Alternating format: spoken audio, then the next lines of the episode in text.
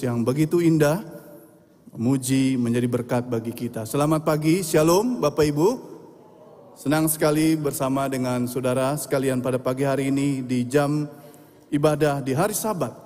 Mari kita siapkan hati kita untuk bersama merenungkan firman Tuhan. Sebelumnya mari kita berdoa bersama.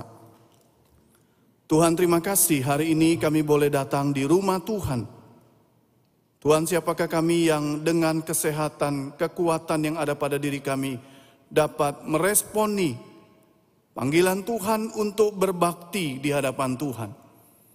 Tuhan kami tidak ingin ibadah hari ini menjadi ibadah yang sia-sia di mata Tuhan. Tapi kami ingin menjadi satu ibadah yang menyenangkan hati Tuhan. Dan memuliakan Engkau. Firman yang kami akan dengar pada saat ini, Tuhan tolonglah berbicara kepada setiap hati kami. Sehingga firman itu boleh sungguh-sungguh tinggal tetap di dalam hidup kami dan kami melakukannya. Tolong berkati hambamu di dalam seluruh kelemahan, dosa dan kehinaannya. Menyampaikan isi hati Tuhan bagi setiap kami. Di dalam nama Tuhan Yesus kami berdoa. Amin. Saudara mari kita buka bagian firman Tuhan Matius 15 ayat 7 dan 9 dan Yesaya 29 ayat 13 dengan satu tema fake worship Saudara sekalian ya. Saudara, kita akan lihat Saudara sekalian.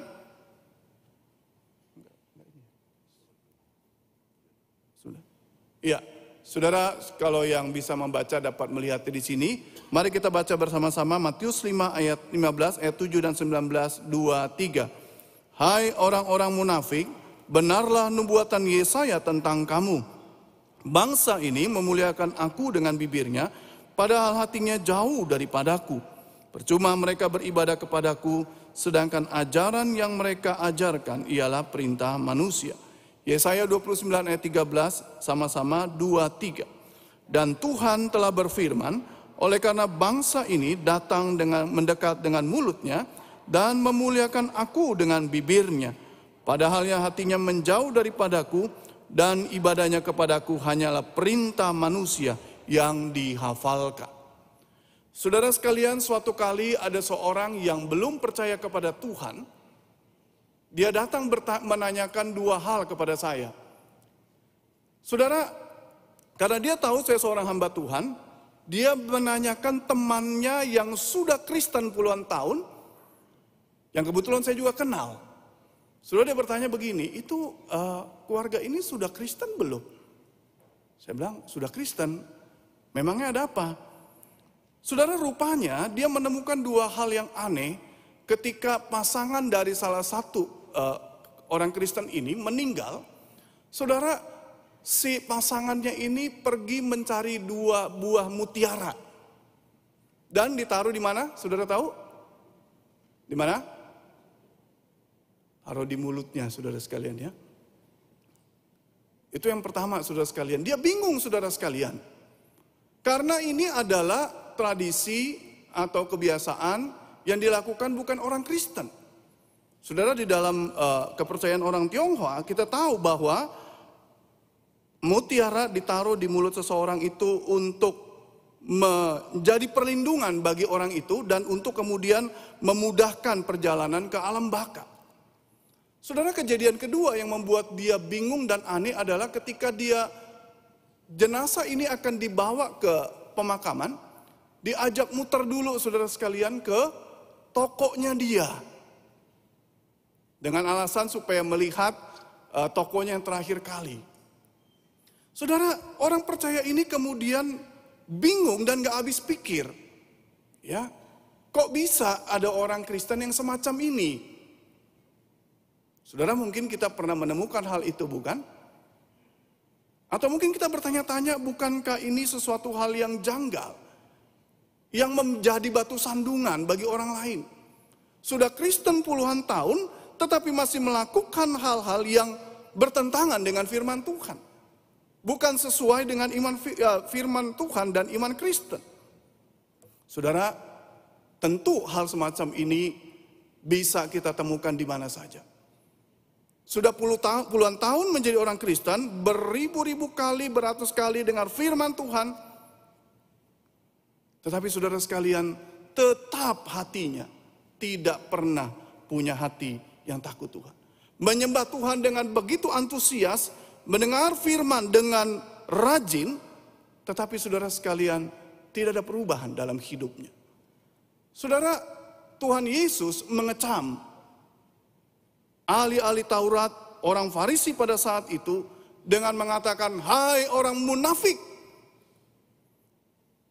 jamau wei wei san teren." Saudara, kenapa Yesus mengatakan hal begini? Saudara tentu ketika Yesus mengatakan hal hal seperti ini itu bukan tanpa alasan. Kita akan lihat terlebih dahulu saudara konteks dari Yesus ngomong ayat ini sehingga kita bisa mengerti kenapa Yesus mengatakan hal seperti ini. Saudara, pertama-tama kita perlu tahu bahwa konteks Yesus mengatakan hai orang munafik kepada orang Yahudi, uh, kepada orang Yahudi secara khusus ahli Taurat dan orang Farisi itu dalam konteks pada saat itu Yesus berada di Genesaret. Apa yang Yesus lakukan di sana saudara sekalian? Rupanya Yesus saudara ketika dia berada di Genesaret itu begitu banyak orang datang kepada dia memohon kesembuhan pertolongan daripada Tuhan Yesus. Dari sini kita melihat apa bahwa kondisi yang dihadapi Yesus adalah kondisi di mana begitu banyak orang yang membutuhkan akan pertolongan Yesus. Ada begitu banyak orang yang membutuhkan uluran tangan, kasih dan kepedulian Yesus pada saat itu. Dan Yesus melakukan hal ini. Ya. Saudara, tapi kemudian menariknya di dalam pasal 15 ayat yang pertama dikatakan bahwa datanglah orang Farisi dan ahli Taurat, Taurat beberapa orang dari Yerusalem. Nah, saudara sekalian menarik sekali karena di dalam bagian ini ditunjukkan asal mereka datang dari Yerusalem. Saudara kita tahu bahwa Yerusalem adalah tempat pusat kota ibadah. Pusat penyembahan bagi bangsa Yahudi. Saat ini sedang ramai saudara sekalian. Saudara, ahli Taurat dan orang Farisi adalah dua kelompok. Orang-orang yang kenal firman, tahu firman banyak. Karena mereka setiap hari membaca firman, beribadah atau berdoa lima kali sehari, saudara. Eh, tiga kali sehari. Lima kali itu sebelas, saudara ya. Tiga kali sehari, saudara sekalian. Mereka berpuasa, mereka memberi persembahan, mereka melakukan begitu banyak aktivitas dan rutinitas keagamaan, keagamaan orang Yahudi. Saudara, tetapi mereka dikatakan, saudara sekalian, mempermasalahkan di dalam ayat yang kedua mengenai membasuh tangan. Membasuh tangan. Ya. Saudara sekalian. Apa yang terjadi dengan membasuh tangan yang kemudian dipermasalahkan oleh Tuhan Yesus? Ya, nanti kita akan lihat saudara sekalian. Yang jelas saudara sekalian, motivasi orang-orang ini datang bukan dengan motivasi yang baik. Mereka datang dengan motivasi yang tidak baik dengan motivasi yang berdosa. Nah, saudara kita lihat. Saudara dikatakan oleh orang Farisi dan para ahli Taurat dikatakan mengapa murid-muridmu, murid-murid Yesus melanggar adat istiadat nenek moyang kita. Nah, ini dia. Saudara orang ya orang Farisi dan ahli Taurat tidak tidak bertanya kepada Yesus, mengapa murid-muridmu melanggar firman Tuhan? No, tetapi mereka ditanya, mengapa murid-muridmu melanggar adat istiadat nenek moyang kita? Ah saudara sekalian ternyata ini yang akan menjadi penyebabnya. Saudara, di dalam uh, kitab Talmud, saudara sekalian, jadi orang Yahudi, saudara saya, saya beri, beri gambaran sedikit. Orang Yahudi sampai hari ini selain mereka punya kitab Taurat, perjanjian lama yang seperti ada di tangan kita. Mereka ini punya satu kumpulan kitab tafsir yang disebut dengan Talmud. Di dalam Talmud itu ada dua jenis saudara sekalian, yaitu Misna dan Gemara. Apa ini saudara sekalian? Jadi dulu katanya waktu Allah berfirman kepada Musa dituliskan ya dalam bentuk tertulis ada hal-hal yang praktis yang tidak tertulis dalam prakteknya itu yang kemudian dipegang oleh orang Yahudi dari zaman perjanjian lama terus menerus menjadi satu dalam tanda hukum dalam tanda kutip hukum lisan. Bagaimana misalkan menafsir uh, ayat ini bilang hormatilah ayah dan ibumu, lalu di bawahnya itu ada tafsirannya, prakteknya itu seperti apa? Ya, nah itu di uh, pegang turun penurun sampai abad sebelum dua masehi. Lalu kemudian hukum-hukum lisan ini dibukukan menjadi satu buku disebut sebagai uh, buku Misna.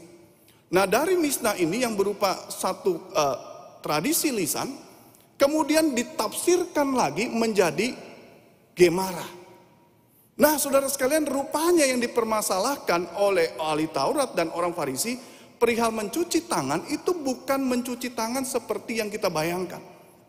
Saya waktu awal-awal membaca bagian ini saya berpikir apa salahnya mereka mempermasalahkan cuci tangan sebelum saya gali saudara sekalian.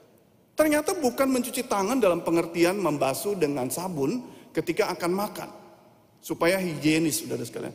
Tetapi ternyata lebih daripada itu, cuci tangan yang dimaksud di sini yang berdasarkan uh, adat istiadat mereka atau uh, para leluhur mereka itu dalam konteks penyucian diri, purify, ya.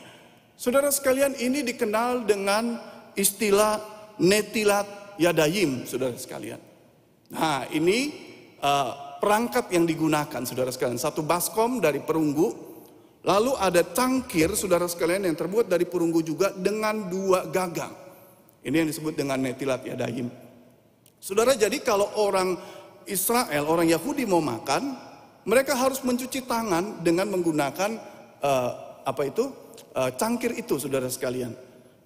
Pakai tang, satu ditang, pegang tangan kanan itu, kemudian airnya ambil air yang uh, mengalir, lalu untuk membasuh tangan kiri sampai ke siku sini saudara sekalian. Saya sebenarnya ada YouTube-nya kurang lebih satu menit tapi saya tidak uh, perlu tayangkan di, di, di apa namanya di uh, di basu sampai siku begini. Gagang yang satu ini saudara sekalian yang sudah dipakai tidak boleh dipakai lagi. Harus pakai gagang yang kiri karena ini tangan ini sudah bersih katanya. Ya, ya karena itu dicuci begitu lagi sebanyak tiga kali. Nah, setelah mencuci itu kemudian saudara ada doa yang kemudian dipanjatkan. Ya, ada doa yang kemudian dinaikkan di hadapan Tuhan. Ya Tuhan Allah, pencipta langit dan bumi. Engkau sudah menguduskan kami dengan firman-Mu dan Engkau memerintahkan kami untuk melakukan pembasuhan tangan. Nah ini saudara sekalian. Jadi lihat ya, ini yang dipermasalahkan. Lalu kemudian kita berpikir loh kalau begitu nggak salah dong ini ada doa dan sebagainya.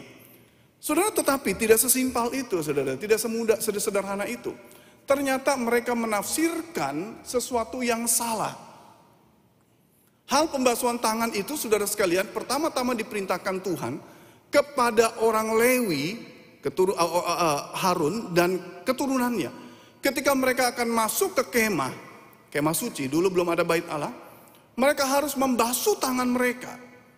Saudara itu ada uh, saya garis bawahi saudara sekalian membasuh tangan dan kaki mereka. Untuk siapa? Untuk Harun dan anak-anaknya. Ya, dengan air. Saudara, kalau tidak kenapa? Mereka akan mati. Kalau saudara nanti punya waktu membaca di dalam keluaran itu, berulang kali mereka dikatakan, kalau engkau datang tidak membasuh tangan dan kakimu, engkau akan mati. Karena bertemu dengan Allah yang suci, yang agung, yang mulia. Nah, saudara sekalian. Tetapi perintah ini untuk siapa sebetulnya? Bukan untuk seluruh umat.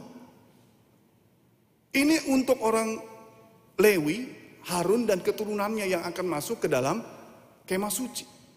Tetapi di dalam hukum lisan itu yang tadi saya katakan, penjabaran dari praktek yang tertulis itu ditafsirkan dengan begitu jauh.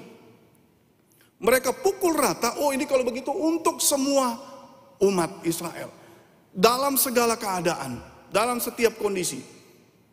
Saudara tahu, orang yang tidak membasuh tangan, waktu makan, itu dianggap satu kejahatan yang besar.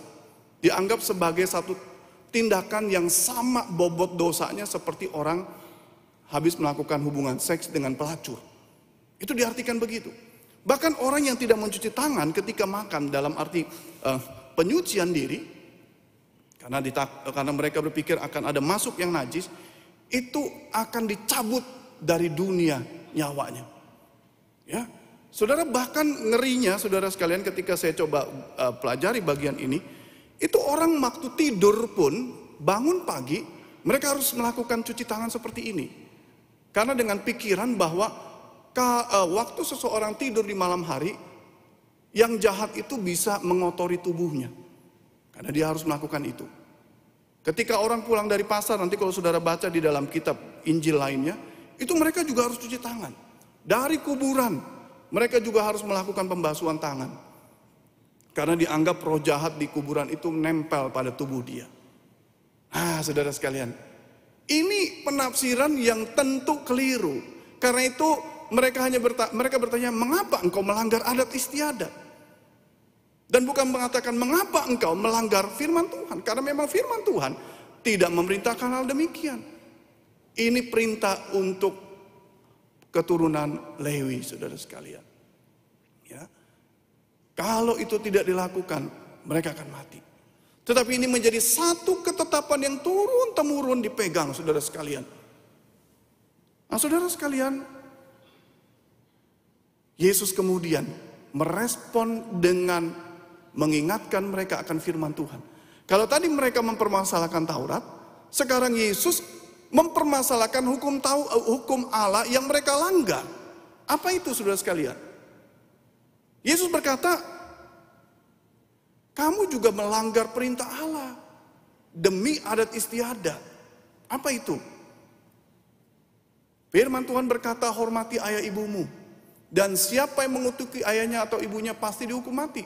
Ini dapat kita temui di, di dalam kitab keluaran 2 ayat 16, 2, 17. Saudara tetapi apa yang terjadi? Ternyata mereka ini excuse saudara sekalian melanggar firman Tuhan untuk melakukan tradisi. Apa itu tradisinya? Jadi tadi di dalam kitab Misna dan Gemara itu saudara sekalian, ada satu hukum dikatakan kalau engkau sudah berjanji kepada Allah untuk memberikan korban kepada Tuhan, maka engkau tidak berhak lagi atau engkau tidak bertanggung jawab lagi untuk menghidupi keluargamu, ayahmu dan ibumu. Nah, Yesus ingatkan ini, engkau melanggar firman Tuhan demi adat istiadat. Saudara, jadi mereka itu menafsirkan secara keliru ya ayat di dalam bilangan 30 ayat 2. Di dalam bilangan 32 ayat 2 memang dikatakan bahwa kalau seseorang bernazar kepada Tuhan dengan sukarela, maka dia harus menggenapi, terikat kepada janji itu. Nah, ketika dia berjanji untuk memberi kepada Tuhan, dia harus menggenapinya. Kalau tidak dia akan mati. Tetapi tentu saudara sekalian ini berkontradiksi Tuhan memerintahkan hormati ayah dan ibumu, kasihi mereka. Tetapi di ayat yang di bagian lain Tuhan memerintahkan sesuatu yang melanggar. Enggak mungkin. Allah enggak mungkin inkonsisten begitu. Memberikan perintah yang satu A tetapi yang satu B. Ini bilangan 30 ditafsirkan secara keliru. Kalau engkau sudah berjanji, oke, okay, nggak apa-apa. Engkau tidak harus mengurus orang tuamu. Engkau boleh berkata, oh uangku, hartaku sudah kuberikan kepada Tuhan. Nah, ini melanggar firman Tuhan. Ya. Ini melanggar firman Allah. Dan Yesus tahu apa yang mereka lakukan ini adalah sesuatu yang jahat, saudara sekalian. Baru kemudian di Matius 15 ayat 18 dan 9 ayat ini muncul. Bangsa ini memuliakan aku dengan bibirnya, padahal hatinya jauh daripadaku. Saudara ada dua hal sebenarnya kalau kita perhatikan baik-baik dari ayat 8 ini saudara sekalian. Yang mereka yang dipermasalahkan Yesus. Saudara yang pertama yaitu apa saudara sekalian? Memuliakan Tuhan itu ternyata bisa dilakukan dengan bohong-bohongan. Tidak sungguh-sungguh pura-pura dan tanpa takut serta kasih kepada dia. Apa artinya? Saudara, ahli Taurat, orang Farisi, mereka beribadah sehari tiga kali, mempersembahkan persembahan, mereka berdoa. Saudara, tetapi semua yang mereka lakukan itu tanpa takut akan Tuhan, tanpa kasih kepada Tuhan. Saudara, waktu orang ahli Taurat dan orang Farisi mempermasalahkan hal pembasuhan tangan kepada murid-muridnya, secara tidak langsung sebetulnya mereka sedang menyerang Yesus, sedang memprovokator orang banyak pada saat itu. Lihat ini, Yesus yang engkau ikuti, yang engkau minta berkatnya, melanggar adat istiadat bangsa kita. Mereka sedang memprovokator orang banyak pada saat itu untuk menolak Yesus, untuk menyerang Yesus. So kita lihat di sini apa? Nyembah Tuhan berulang-ulang, berlutut, berdoa, tetapi hatinya jahat terus sekali. Hatinya penuh kebencian kepada orang lain.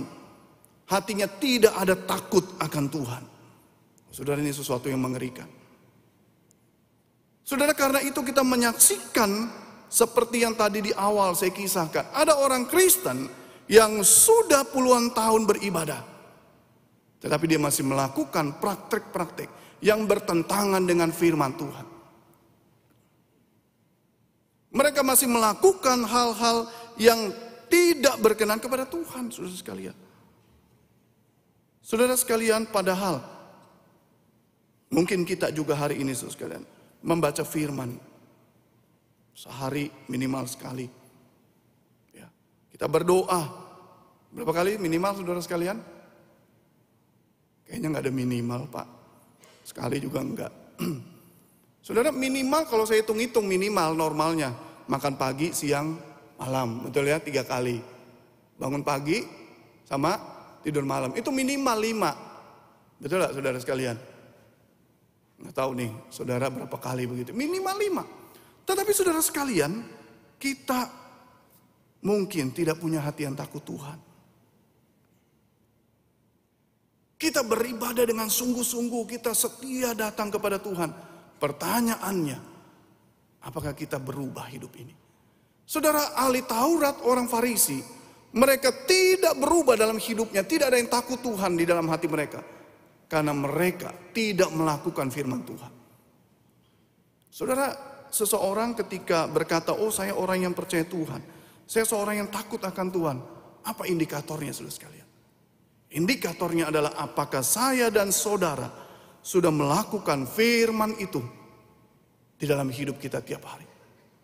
Kita tahu saudara sekalian di dalam Alkitab ada hukum positif dan hukum negatif. Jangan lakukan ini, jangan berbuat ini, jangan berbuat itu. Tetapi ada hukum positif, hormatilah ayah ibumu, kasihilah Tuhan Allahmu, berdoalah, bersandarlah kepada dia, itu hukum positif. Nah, saudara sekalian, Apakah hukum positif dan hukum negatif ini kita lakukan terus menerus dalam hidup kita?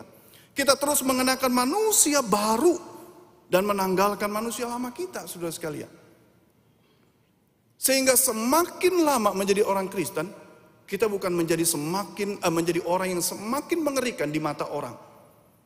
Menjadi menjadi orang yang semakin jahat di mata Tuhan. Menjadi orang yang kehadirannya tidak diharapkan orang lain. Tetapi semakin lama dengar firman, bertumbuh dia. Ada buah-buah roh yang keluar dari dalam hidupnya. Saudara sekalian, seorang uh, penulis buku ya dengan beberapa gelar doktor yang sangat baik saudara sekalian, dia mengatakan begini saudara sekalian. Sebuah keagamaan yang dipertontonkan tidak mengindikasikan sebuah uh, ibadah yang rohani, saudara sekalian. Saudara jangan berpikir kalau karena seseorang itu pergi ke gereja, dia bernyanyi, berdoa dengan menundukkan kepala, mendengarkan khotbah, dan itu artinya dia seorang yang betul-betul penyembah yang sejati. Saudara jangan pikir karena seseorang itu ke gereja, melakukan begitu banyak aktivitas gerejawi, kemudian kamu ini seorang yang betul-betul memiliki iman yang menyelamatkan. Saudara, waktu saya coba baca bagian ini, saya tertegur saudara sekalian. Apakah saya juga adalah orang yang seperti ini, seorang hamba Tuhan yang aktif di yang tiap hari di gereja melakukan banyak kegiatan rohani, tetapi saya bukan seorang yang genuine, saudara sekalian. Saudara, apakah saudara juga bergumul akan hal ini, saudara sekalian? Saudara melihat kenapa hidupku tidak pernah ada perubahan yang signifikan. Kenapa sebagai orang Kristen aku tidak bisa membawa terang Tuhan? Tidak bisa menggarami orang-orang di sekelilingku. Saudara, jawabnya mungkin adalah karena kita tidak melakukan firman Tuhan. Yesus berkata, bangsa ini memuliakan aku, tetapi hatinya jauh daripadaku. Yesus tidak mendapati hati yang tulus, hati yang takut Tuhan. Yesus tidak menemukan hati yang dipersembahkan kepada Tuhan. Yesus tidak menemukan hati yang mengasihi orang lain di dalam diri ahli Taurat dan orang Farisi. Karena hatinya penuh kesombongan, penuh kebencian kepada Yesus, kepada murid-murid, memandang orang di luar golongan mereka orang yang rendah dan hina. Saudara sekalian, ibadah yang palsu itu adalah sebuah rutinitas yang tidak memiliki makna apa-apa baik bagi diri kita, apalagi bagi Allah. Itu sebabnya Allah mengecam. Hai engkau yang munafik, bangsa yang munafik, kamu memuliakan aku padahal hatimu jauh. Saudara itu yang pertama, yang kedua. Dikatakan bahwa percuma mereka beribadah. Percuma kita datang hari Minggu kalau kita mau pakai bahasa kita. Tetapi yang mereka ajarkan, yang mereka pegang adalah perintah manusia. Di dalam kitab Yesaya tadi dikatakan yang mereka lakukan, yang mereka hafalkan adalah perintah manusia bukan firman Tuhan. Ah, saudara sekalian, ini menarik sekali untuk kita bahas. Saudara banyak hari ini orang Kristen, ya saya nggak ngerti, entah nggak ngerti firman atau mengabaikan firman. Tetapi saudara sekalian banyak dalam praktek hidupnya sebenarnya bukan firman Tuhan yang dilakukan. Tetapi ajaran-ajaran yang ada di sekeliling dia. Misalkan ya, oh kalau kerja ya tipu-tipu dikit nggak apa-apa lah, cuan-cuan dikit nggak apa-apa ya. Atau kalau nggak tipu-tipu bagaimana bisa cuan begitu ya. Dunia hari ini berkata, punya istri lebih dari satu nggak apa-apa. Yang penting adil, begitu ya. Saudara sekalian, uh, benci-benci dikit nggak apa-apa, begitu. Saudara, tentu ini bukanlah ajaran firman Tuhan. Ya. Kita sering mengabaikan firman Tuhan untuk apa? Kepentingan tradisi, kebiasaan, norma yang umum. Saudara sekalian, Saudara, banyak orang Kristen tidak suka hari ini. Jujur kalau kita mau lihat, tidak suka mendengarkan khotbah, ajaran-ajaran tentang rela memikul salib, menanggalkan manusia lama, mengenakan manusia baru, rela, rela merugi demi kepentingan Kristus. Saudara, orang kalau disuruh rugi untuk kepentingan Kristus hari ini pikir Seratus kali, seribu kali lipat. Saudara sekalian. Tetapi untuk kepentingan diri, dia rela lakukan apa pun saudara sekalian. Dan ini tentu bukan ajaran firman Tuhan saudara sekalian. Bahkan termaksud yang melanggar firman pun dia lakukan. Yang penting saya untung, saya bahagia. Saudara, banyak orang Kristen hari ini saudara sekalian yang seperti ini. Saudara, kondisi ini kemudian juga diperkeruh saudara sekalian dengan apa? Dengan ajaran di mimbar yang tidak menyampaikan kebenaran yang absolut. Saudara saya suka iseng-iseng dalam waktu senggang ya. Saya coba lihat di YouTube para pengkhotbah-pengkhotbah yang bermunculan begitu banyak saudara sekalian. Dengan gelar yang banyak, dengan sebutan yang uh, uh, menarik saudara sekalian. Saudara sekalian waktu saya lihat saudara sekalian khotbahnya, waduh itu viewernya saudara berapa? Ratusan ribu saudara sekalian ya. Saya kadang suka minder, saya cuma berapa puluh begitu saudara sekalian. Ini ratusan ribu saudara sekalian. Saudara tetapi waktu saya dengarkan itu khotbah-khotbah saudara sekalian.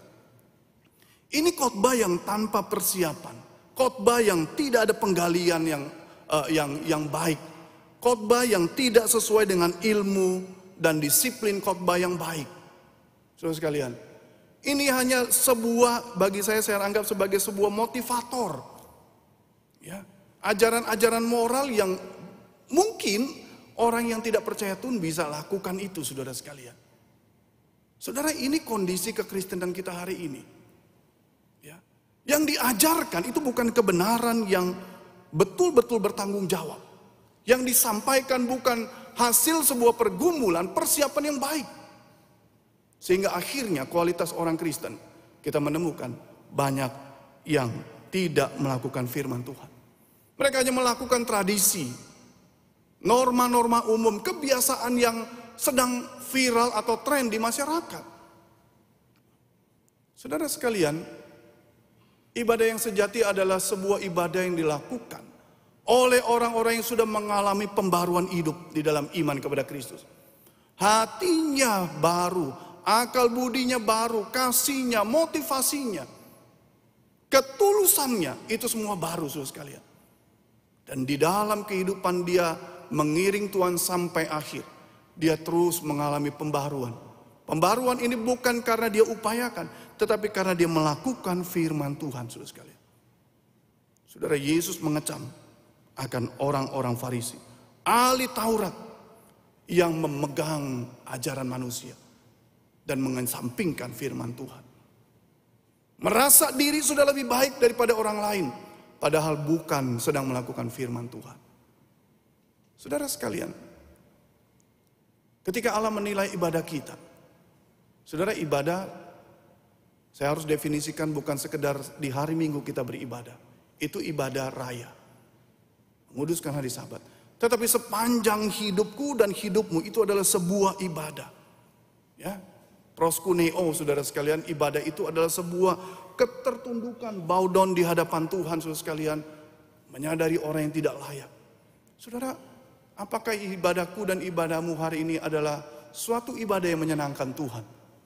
Atau justru ibadah yang kejahatan dicela oleh Tuhan? Saudara, biar kiranya firman Tuhan kita simpan, kita pulang, kita renungkan kembali ibadah kita di depan Tuhan. Dan kita melakukan firman-Nya. Mari kita berdoa. Tuhan tolong kami agar menjadi orang yang sepanjang hidup beribadah. Bukan sekedar ibadah di hari Minggu, tetapi hidup kami tiap hari merupakan sebuah ibadah yang kudus, yang berkenan, yang memuliakan, menyenangkan hati Tuhan. Tuhan tolong kami menjadi penyembah-penyembah orang-orang yang beribadah dengan benar, melakukan firman, dan bukan melakukan tradisi manusia. Berkati firman yang sudah kami dengar, tanamkan dan mampukan kami untuk melakukannya. Demi nama Tuhan Yesus kami berdoa. Amin.